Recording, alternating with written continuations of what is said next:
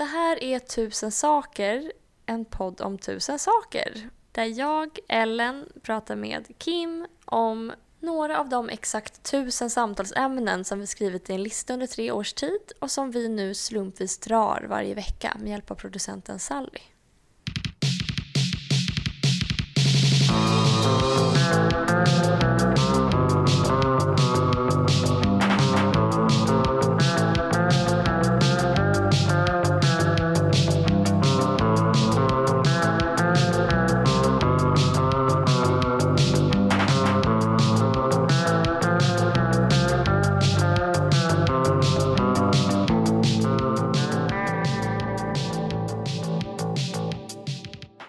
Jag sitter i Vadströmsrummet på Norrköpings stadsbibliotek som är ett eh, jättevackert gammalt rum med eh, bokhyllor som går ända upp till taket och dels folianter tror jag det heter och bara så här väldigt vackra gamla band. Nu, mikrofonen till exempel vilar på Eddan. Det känns som att jag är på Oxford ungefär.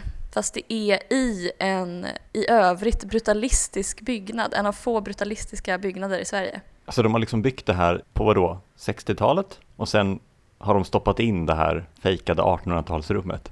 Det finns liksom en gammal del av biblioteket och en ny.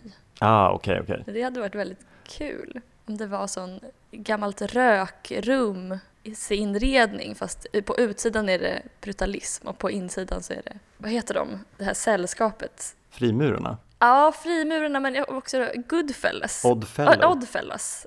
Odd... Goodfellas, det, det, är väl... det kanske är en maffia... Ja. Odd, Oddfellows. Men är det inte så bibliotek är nu för tiden? Det ser ut som 60-tal utanför och så är det maffia inuti. Satir! Vi är på en sån här um, coronaanpassad semester, så vi har liksom inte, vi bokar liksom allting med 24 timmars varsel. Och då har vi valt att göra det att vi, vi gör det på där det är bra väder. Och nu var det bra väder i Göteborg. Och i förrgår var det bra väder i, i Borås. Och ni vet inte hur länge ni ska vara borta? Nej. Det är bara så länge det är bra väder någonstans i Sverige så kommer ni vara på resande fot. Ja. Men jag har varit, vi var tidigare i Borås och eh, då skulle vi gå till det här eh, Café Viskan, för det ska man tydligen göra när man är i Borås. Men vi, från på vägen från vårt hotell så fastnade vi i en enorm jävla regnstorm. Alltså verkligen en sån när man typ skriker åt varandra bara Go now for the motherland! Och så springer man liksom eh, mellan olika utsprång, ja. typ, för att skydda sig mot regnet. Rädda dig själv, lämna mig. Ja, fuck you Linnea, du är inte snabb nog. Det är bara en av oss som kommer att överleva det här. Ja. Nej men då gick vi liksom förbi två espresso house på vägen dit, men liksom vägrade gå in. Så här, vi dör hellre i det här apokalyptiska regnvädret än att äta på espresso house. Det är väldigt sällan man ställs annars inför det, att det dras till sin spets på det sättet att man väljer mellan espresso house och döden. Men det är klart att man alltid väljer döden. Ja, ja, ja, absolut. Så kom vi till Viskan och det var jättemysigt, men det är bara inrett som en exakt kopia av espresso house. Alltså sånt fejkat liksom Oxford, alltså så läderfåtöljer och eh, liksom okay. bilder på bokhyllor på, som tapet. I förra veckans podd så pratade vi ju lite om inredningsstilen på, på Biltemas kaféer och liksom hur de jobbar med liksom en anti-estetik. Och det kanske var lite mm. raljerande från vår sida. Liksom. Är det folk som är dåliga på sitt jobb som har inrett det? Men jag tror att det kanske är Sveriges enda fortfarande liksom original inredningsdesigners. Att det liksom, vi har en hel armé av människor som bara liksom performativt gör stereotypen kaféinredning. Jag tror att vi liksom, just nu skrivs den här hjältesagan så att om liksom 200 år så kommer vi gå på liksom Nationalmuseum och kolla på bilder och liksom kanske de har gjort, byggt upp en genuin kopia, kopia på ett Biltema-café så man liksom kan få uppleva de här LED-listorna under borden som blinkar blått. Ja. Och så liksom är det så här, ja det här är gjort av eh, eh, Anna Svensson. Eh, hon var ju väldigt missförstådd under sin tid och dog utfattig i ett uthus utanför Örebro. Eh, men, eh, ja, men det blir en sån Hilma af Klint liksom berättelse att vi medelklassens tre affischer kommer vara olika liksom, foton från Biltema-caféer som Anna Svensson har inrett. Känner du till liksom, eh, hotell, eller vad ska man säga, man, rastkedjan Rasta? Mm. Eh, det är ju en sån här vägkrogs och restaurangkedja för våra lyssnare i Stockholm. Ehm, och de har även, de har även börjat med Espresso House nu. Så du kan liksom inte ens få en så lövbit med örtsmör och bränt lövbergslilo längre, utan nu är det liksom Espresso House. Du skämtar. Nej! Oj, nu kanske jag måste stänga, måste jag stänga fönstret eller? Så att inte Jag tyckte, det, jag tyckte det var poetiskt att det kom sirener när vi pratade om espresso. Men jag tänkte bara fråga dig, eh, nu, kommer liksom alla mina eh, spaningar hamna om Café Viskan, för det var uppenbarligen en väldigt stark upplevelse för mig att gå på Café Viskan. Ehm, Ja. om vi liksom bortser från själva eh, inredningen, så liksom när vi kom in på det här fiket och efter att ha överlevt det här stormregnet, så när vi liksom fick beställa vår frukost så, så ehm, drabbades jag liksom av en känsla i kroppen. Det var som att jag liksom blev, drog ihop mig lite, gjorde mig lite liten. Liksom. ja. Och eh, funderade väldigt mycket på vad jag skulle beställa och kände att det var viktigt att liksom berätta vad jag skulle beställa. Och jag beställer i princip alltid liksom en smörgås, gärna med ägg och vanligt kaffe. Men började liksom fundera på om jag skulle ta en smoothie bowl och en cappuccino. Mm. Ehm, men jag förstod inte varför, för det, har liksom jag är way past that. Jag, jag vet att jag vill ha en äggmacka och vanligt kaffe. Och ärligt talat, alla vet ju att det är det objektivt godaste. Mm. Ehm, men sen så insåg jag att vi, är, vi var liksom på det coola kaféet. Där Johanna, Hanna, Sanna och alla de här coola på högstadiet jobbade extra. Jaha. Okej, och det satte griller i huvudet på dig? Ja, för då helt plötsligt så kände jag mig liksom, jag var ju inte på det coola kaféet när jag var liten. Nej. Och nu var jag liksom där. Och fast det inte var min ja, hemstad så är den liksom stereotypen det coola kaféet så etablerad liksom. Så jag kände på mig att hade jag varit liksom 15, då skulle inte jag varit här. Eller jag kanske skulle suttit och tryckt i ett hörn och försökt passa in, men Johanna, Sanna, Hanna hade vetat om att jag inte skulle vara där. Så de här tio åren av att du har eh, liksom blivit stärkt i din identitet och säker på att du gillar äggmacka, det var som blå- bortblåst då, när du återigen konfronterades med Hanna, Sanna och... Johanna. Men eh, var du på de coola kaféerna? Nej, oh nej. Eh, men jag vet absolut vad du menar, alltså det fanns ju definitivt. Men de har ju den här universella coolheten som man inte behöver ha någon förkunskap annat än att ha växt upp liksom i en svensk stad för att känna till. Mm. Vet Linnea sa någon gång att liksom någon tjejkompis hon hade att hennes mamma drack kaffe latte ur glas och då förstod vi båda direkt vilken typ av person. Ja. Liksom. Den typen av coola tjejer kan fortfarande liksom jäcka mig. Man kan aldrig hämta sig från att ha blivit bortvald av Hanna, Sanna och Johanna. Faktiskt. Alltså varken du eller jag, hur mycket vi än åstadkommer, hur mycket du än jobbar på filmbyrå, så kommer du alltid få för dig plötsligt att du ska ha en smoothie bowl när du konfronteras med Hanna, Sanna och Johanna. Jag kan köpa hur många liksom vintage, ironiska vintage-skjortor jag vill. Liksom. Ja, Men när jag står där så ser de rakt igenom dem. ja. ja det är otroligt. Vill du prata av dig om något? Har du också varit på café? Nej, alltså jag skulle kunna uppdatera om mina killproblem som vanligt, men jag vet inte, är du intresserad av mina killproblem? Eller är folk intresserade av mina killproblem? Absolut. Jag, kan, jag, jag tar på mig den hatten. Eh, jag, då var jag alltså på en dejt med en kille som eh, berättade att han hade en ätstörning, eller han hade haft en ätstörning som gick ut på att han drack jättemycket mjölk. Ja, det var det om det. Ja, det, det, var, det var allt.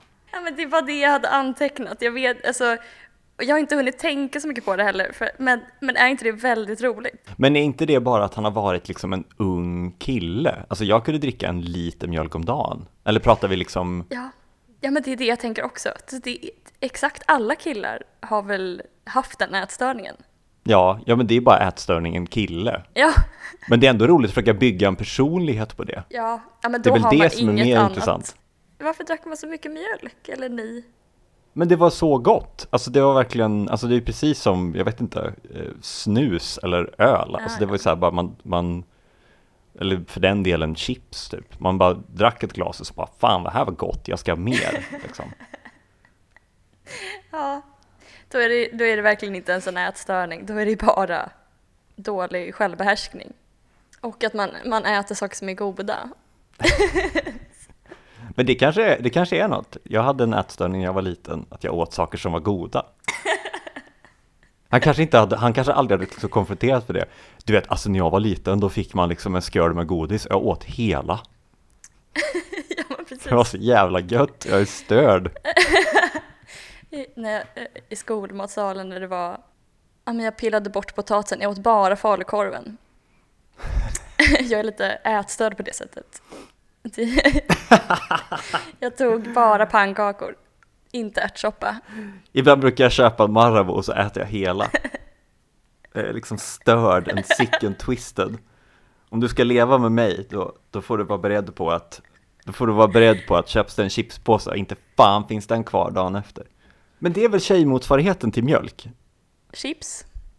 Chips. Ja, det kanske det är. För, för det har jag träffat tjejer som var så alltså jag äter så jävla mycket chips, typ. Ja. Och så träffar man dem i liksom deras nat naturliga setting och så ser man dem ta fram en så 180 grams påse och kanske äter halva med mig. Ja, och då är det lättsaltade, sådana nat natur... Nej, heter Men- det naturchips? Ja, landchips och Landchips. naturchips. Den speciella sortens chips som är från naturen i motsats till alla andra chips. Nej, men sen så har jag börjat träffa nu någon form av italiensk influencer som verkligen inte fattar grejen med mig. Alltså han är så... Han är verkligen inte imponerad av mig. Eh, han är så här... Jag har aldrig sett på maken till nörd. Eh, och så hade jag på mig en kjol en gång och då sa han det var den längsta kjol jag någonsin sett. Är du oskuld eller? Jag tyckte det var så himla härligt eh, också. Det är så sällan killar ber en, ber en att ha kortare kjol. Han anti-slut-shameade dig, Ja, non-shaming. Men han kanske är van vid Hanna, Sanna, Johanna, liksom. Och sen så ja, träffar han dig och så liksom känner han som jag kände att han har liksom alltid tagit smoothie bowl. ja, Och så träffar han dig och blir såhär, varför vill jag ta en äggsmörgås? Ja. Det här är inte jag. ja, verkligen. Han fattar, fattar nada. Kommer han hänga med till nästa vecka eller vad, vad tror vi? Ja, det är möjligt. Det är möjligt. Fortsättning följer av mina killproblem. Det är Fantastiskt. så mysigt att ha killproblem, jag älskar det. Vet de om, har, har- har du liksom den så, ja, träffar du mig då får du vara beredd att bli uthängd i en podd inför 30 personer. Ja, just det. Ja, Jag kanske borde börja flagga för det. Det kanske kan bli vår största marknadsföringskanal, att vi bara Ja. står på din Tinder-sida. Ja. Ska vi som sagt ehm, eh, kasta ankar? Nej, hur säger man? Vi hissar upp ankaret och seglar. Hissa, hissa storseglet kanske. Och Focken. Punkt 634. Folk som inte är föreningsmänniskor kan man inte lita på. Ja, Den här är ju av dig, garanterat. det är jag som har skrivit. Eh, jag är själv något av en föreningsmänniska. Men jag, bara, jag tycker det är en väldigt, man stöter på det ganska ofta, folk, att folk säger att de inte är föreningsmänniskor. Eh, och det brukar vara samma personer som säger att de inte tycker om att gå i demonstrationståg. Är det här någonting ni pratar om första gången ni ses? För det känns som att det kanske är någonting som ligger hos dig.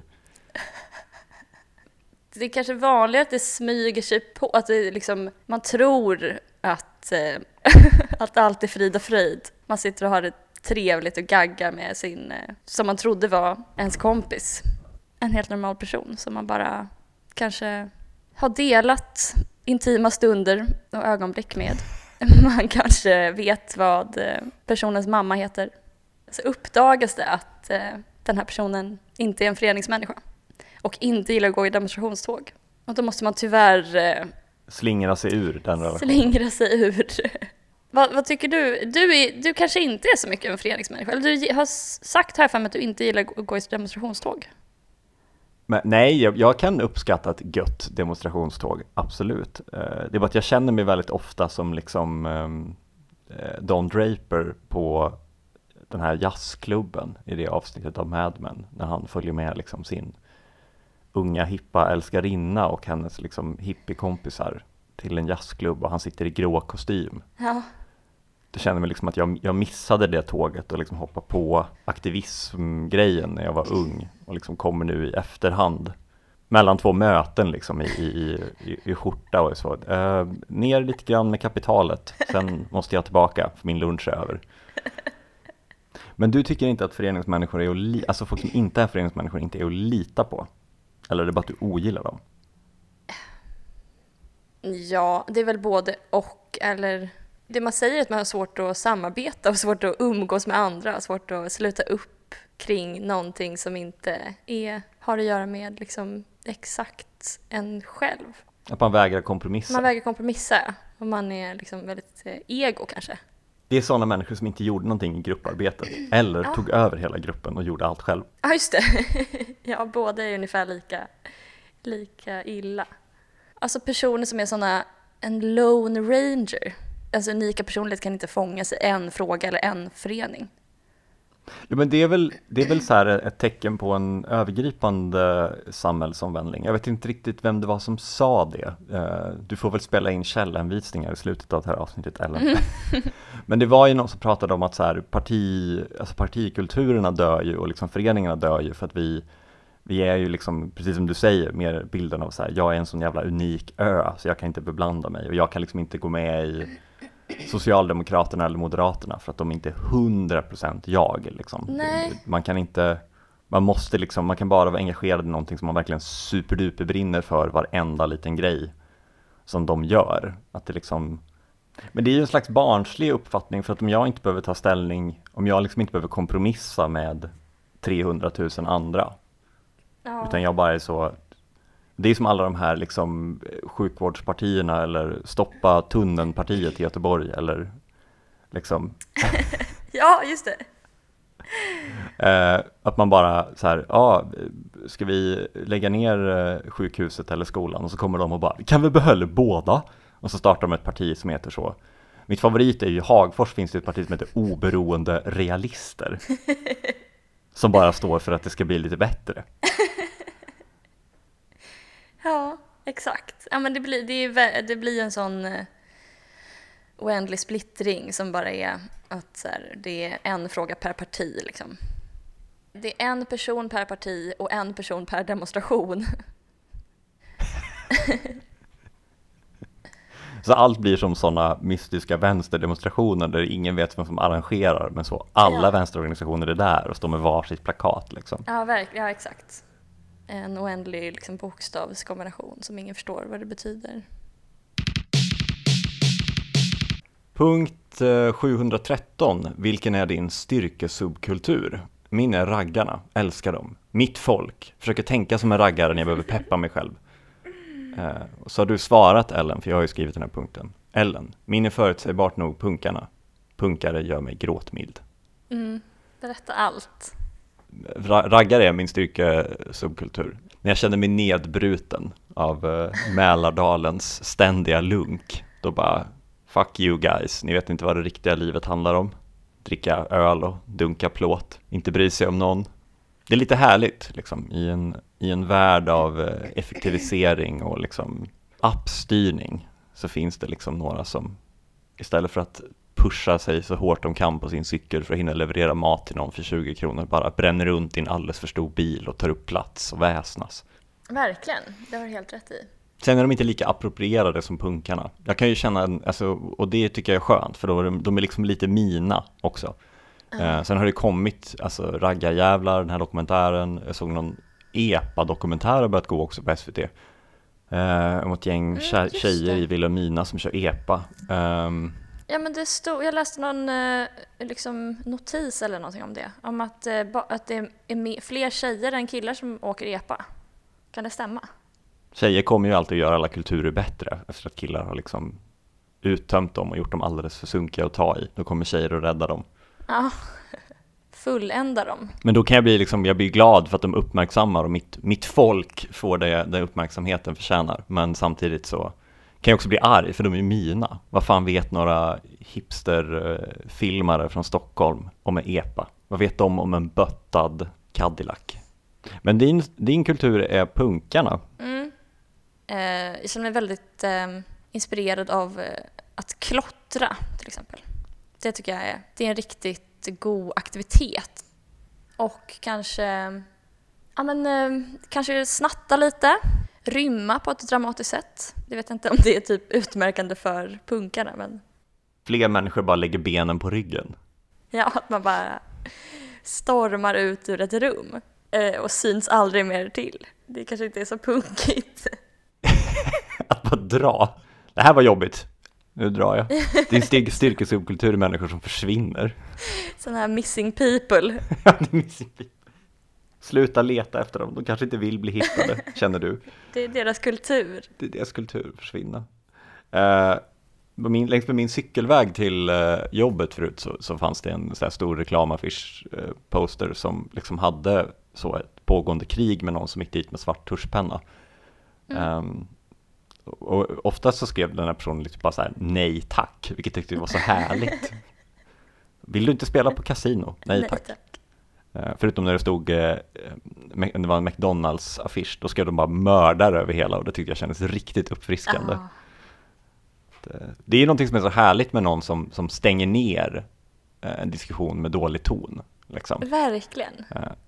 För de går liksom inte med på premissen att så här, här ska McDonalds få stå och säga åt oss att äta kyckling, typ. Utan då kommer de och bara mördare! Och de bara, men den är ju 30% klimatsmartare. Mördare! Ja men exakt. Ja, jag älskar det. Hur använder du ditt, ditt, styrke, din styrkesubkultur liksom? Hur kommer du i kontakt med dem? Nej men det är bara i vilken situation som helst. Om jag har kanske svårt att fatta beslut så tänker jag, vad är mest punk? Och vad ger det dig liksom? Att stå på giganters axlar på det här sättet? Ja men ett, en så situation där jag har tagit hjälp av punkarna, min inre punkare, det var att eh, ja, men det är några, eh, typ, inte barn kanske direkt, men några tonåringar som är inne på biblioteket varje dag och bara Mm. utstrålar extremt störig energi timme ut och timme in. Och då så var det, för då hade de liksom precis eh, ja, men hållit på, eh, spelat upp olika höga ljud. Det är ett av deras högsta nöjen, att spela upp olika så här, höga konstiga ljud från sina mobiler. Och så, så hade de så här lä- lämnat massa skräp typ efter sig. Då tänkte jag, men vad, vad skulle punk, en punkare göra? Och då så eh, liksom gick jag fram till dem och bara, ni är här varje dag. Så om det är någon som borde känna till våra regler så är det ni. Så antingen så är ni kliniskt efterblivna. eller så är ni bara elaka. Och sen så var det att de började tjafsa med min kollega. Och då så sa jag, har ni så mobbad personlighet att ni måste gå in varje dag på biblioteket och, och gå och störa någon stackars gammal, gammal bibliotekarie för att känna er coola? Eh, skaffa en ny personlighet. Det var någonting som var lite tillfredsställande i alla fall med att liksom bryta mot policyn och vara en människa bara som pratade med dem på ett så här människosätt. Alltså, det, är, det är klart att man inte får gå runt, alltså man får inte gå och säga att folk är kliniskt efterblivna och ska byta personlighet. Men det är väl det som är det sköna med punk, alltså det, det är lite kaos. Mm. Hade du någon politisk bakgrund? Nej. Jag, jag hade inget motiv. Jag bara kallar dem efterblivna för att de var fett störiga. Du kanske borde ta fram en elgitarr nästa gång och köra ett sjukt solo. Rocka ut dem från biblioteket. Driva ut dem med rock'n'roll. Skriva låten Håll käft eller dra. Eh, punkt 700. Kommer det faktum att MSB ligger i Karlstad göra att värmländska kommer att förknippas med trygghet i kristid? Det här skrev jag ju för något, alltså något år sedan. Jag tror att det var någon tanke som slog mig i samband med skogsbränderna. Jag liksom vet om att MSB ligger i Karlstad och Kristinehamn tror jag. Och sen Mm. ligger det också givetvis i Stockholm. Ehm, Alla känner väl till vid det här laget att det är Myndigheten för samhällsskydd och beredskap eftersom de har i princip all medieutrymme överallt just nu för att vi befinner oss i en kris. Um, så det var ju lite spännande att den punkten fick ett, ett, ett liv, liksom, att vi för en gång skulle mm. bli aktuella. Uh, och jag hade ju då en förhoppning uh, om att få höra värmländska överallt under kri kristid. Ja, men det har inte riktigt infriats eller? Nej, som du säger, det har ju inte riktigt hänt. Det har ju i princip bara blivit mer stockholmska på radion. Därför blev jag så glad nu då när jag hörde häromdagen i Studio 1 att de skulle intervjua en, en eh, värmlänning eh, som presenterade sig som att han kom från MSB. Men då var det bara för att liksom han hade fått göra en skyddsrumsinventering och istället fick berätta om hur gamla och liksom usla luftfilter vi har i våra skyddsrum. Och då kände jag bara en ännu större ilska att vi fick inte ens liksom vara de här trygga rösterna som liksom, ja man kunde ändå tänka det så här, nu har vi eh, testning i hela landet. Så alla som är oroliga för coronaviruset kan få, enkelt få ett test. Tillsammans håller vi ut och håller avstånd. Att man liksom, den här trygga lugna rösten, och istället så fick han sitta och berätta liksom om hur det ska, alltså så här, vi klarar det här, men det är ju kört om det är krig, för vi har inga filter våra skyddsrum, vi vet inte vart hälften ligger. Nej. Och sen fick han också berätta att man gjorde en skyddsrumsinventering, tror jag, 2011 eller 2012, och sen eh, bytte man datasystem hos MSB. Och då försvann den här skyddsrumsinventeringen för att den typ var ett annat filformat och ingen visste man skulle öppna den i det nya. Så att inte nog med att han liksom fick sitta och förstärka den värmländska stereotypen om att man är lite rörig. Han fick också förstärka den värmländska stereotypen att vi är lite dåliga på data. Så han fick liksom sitta Ja, det var inte kompatibelt med det gamla systemet så där, där försvann, det fanns inget internet. Alltså du vet, och jag bara gud, nu är liksom min mamma i radio. Ja men gud, jag anar en, eh, liksom, eh, en dold agenda här, att allt som går fel med rikets säkerhet, det är därför man har MSB i Karlstad, för då kan man alltid liksom skylla på att det är en rörig eh, värmlänning utan datorkörkort som har liksom ställt till det igen. Precis. Men jag funderar på om det kanske, och så här, du vet, jag var ju upprörd och arg, du hör ju att det liksom är känslosamt för mig, men det kanske finns något smart där ändå. Jag tänker att det kanske är en genomtänkt strategi ihop med MSB Stockholm och MSB Karlstad. För att om man tänker, vi är ju vana vid att höra stockholmare prata om liksom eh, uppstyrda och stabiliserade saker och, det känns ju liksom tryggt att höra kanske Trafikverket prata om ett nytt staket någonstans som ska sänka dödlighetstalen. Men vi är ju också vana vid att höra stockholmare säga att eh, i samband med Nya Karolinska att en halv miljard har försvunnit till ett riskkapitalbolag. Och då börjar man direkt ja. tänka att de är onda. Är du med mig där? Exakt vad jag tänkte också, att stockholmskan är ju de ondas dialekt. Det, det är de ondas dialekt. Men MSB Karlstad, om de, som du säger, om de slarvar bort för att de är lite dåliga på data, klickar bort någon mm. liten fil, glömmer spara, då är man lite okej okay med det. Det är ingen som förväntade sig att de skulle ha koll på rikets säkerhet. Man kanske lärde sig av det liksom när Per Albin Hansson gick ut och liksom sa vår beredskap är god och så var den inte god. Men om liksom en värmlänning kommer och säger vår beredskap är god och då menar jag god fika och sen plocka fram liksom bullar och kakor. Så att det, det, är inte så mycket, det är liksom en del i det här nya samhällets eh, eh, liksom kommunikationssamhället där det inte handlar riktigt om vad man gör. Man har ingen krisberedskap, men man har en otrolig kommunikation kring krisberedskapen. Um, ja, men nästa liksom steg är ju att de liksom, vi gav alla våra pengar till Boston Consulting Group. Och då är det liksom, ja ja, ännu en dag. Ja, vi eh, testar det här nya systemet med värdebaserad vård. Och det får man ju vara beredd på att eh, de ska ha nya system och olika Excel-dokument. Antagligen hela Office-paketet. Det är inget jag direkt eh, kan sätta mig in så i detalj i, men jag har stort förtroende för att eh, de kan ju räkna de där eh, konsulterna.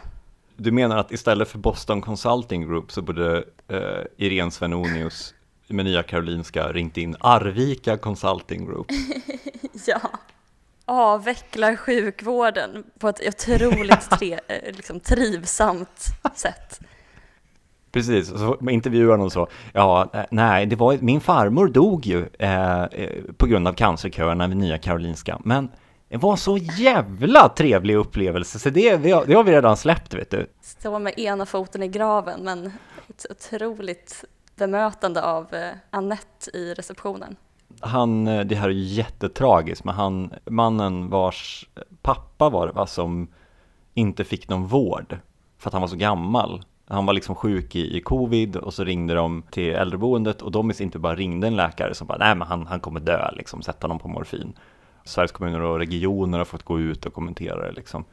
Men då kanske de skulle ha ringt MSB Karlstad. Vi skulle ju åka ut och titta på Lars pappa där, vet du.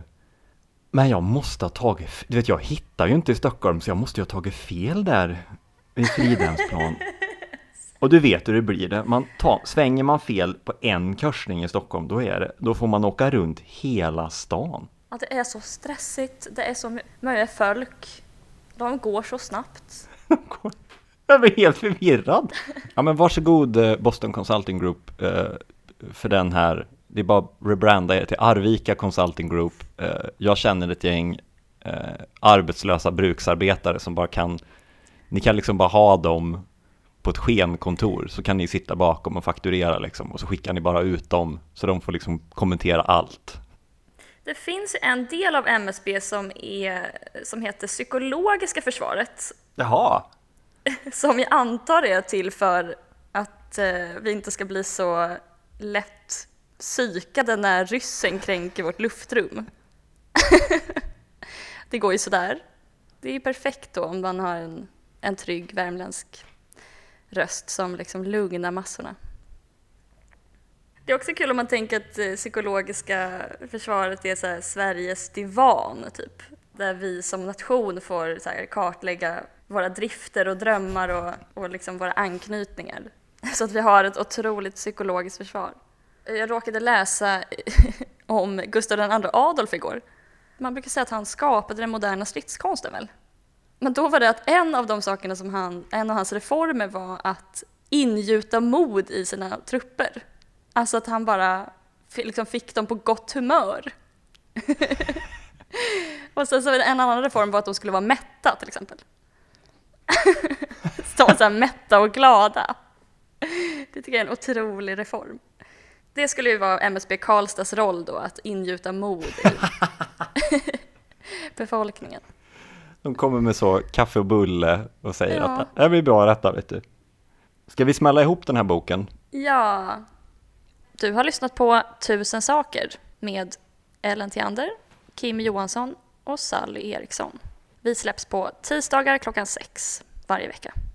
Hej då! Hej då!